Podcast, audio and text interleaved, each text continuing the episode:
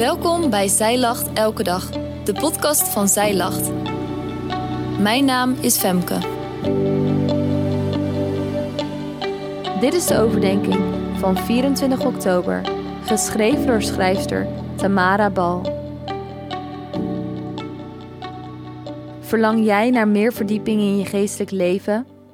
Misschien zit je wel in een periode waarin je verlangt naar meer van Gods aanwezigheid. Misschien zoek je meer intimiteit met God.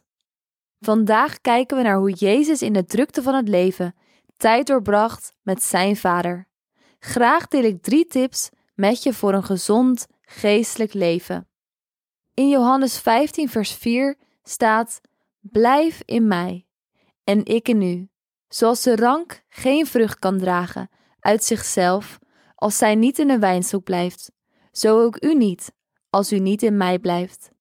Jezus roept ons op om in Hem te blijven. De enige manier om geestelijk gezond te blijven is door in Hem te blijven.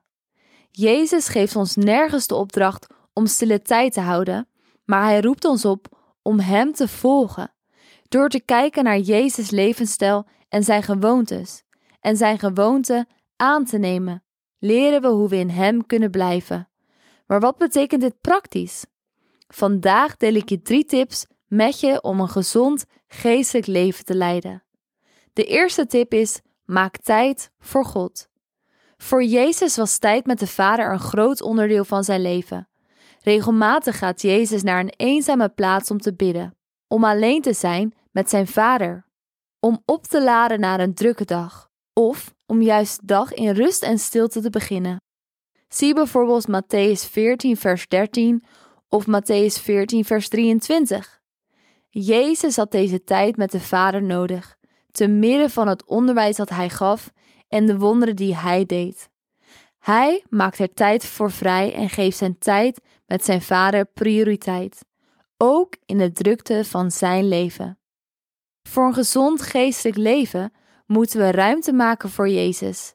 En de vraag is of we bereid zijn om onze tijd zo in te delen dat Jezus meer ruimte krijgt in ons leven.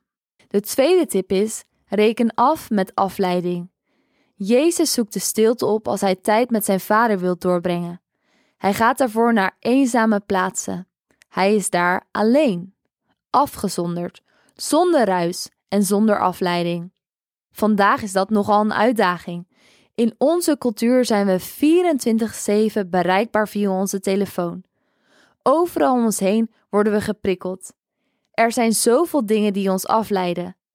Volgens een onderzoek van Microsoft verliest de gemiddelde volwassene na 8 seconden zijn concentratie.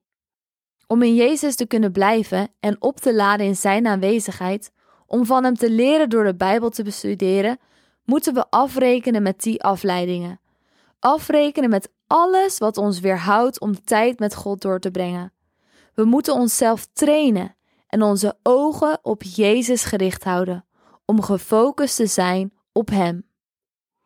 En tot slot de derde tip: maak tijd met God een routine. Ik wil je uitdagen om een stap verder te gaan dan tijd maken voor God. Je relatie met Jezus vraagt investering.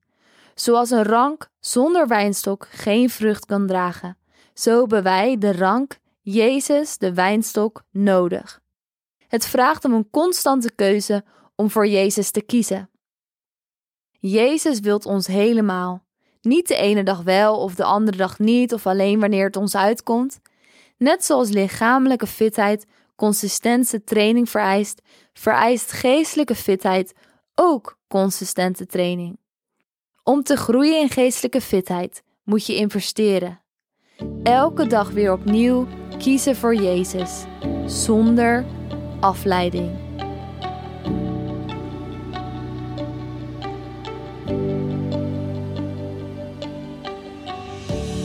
Dankjewel dat jij hebt geluisterd naar de overdenking van vandaag.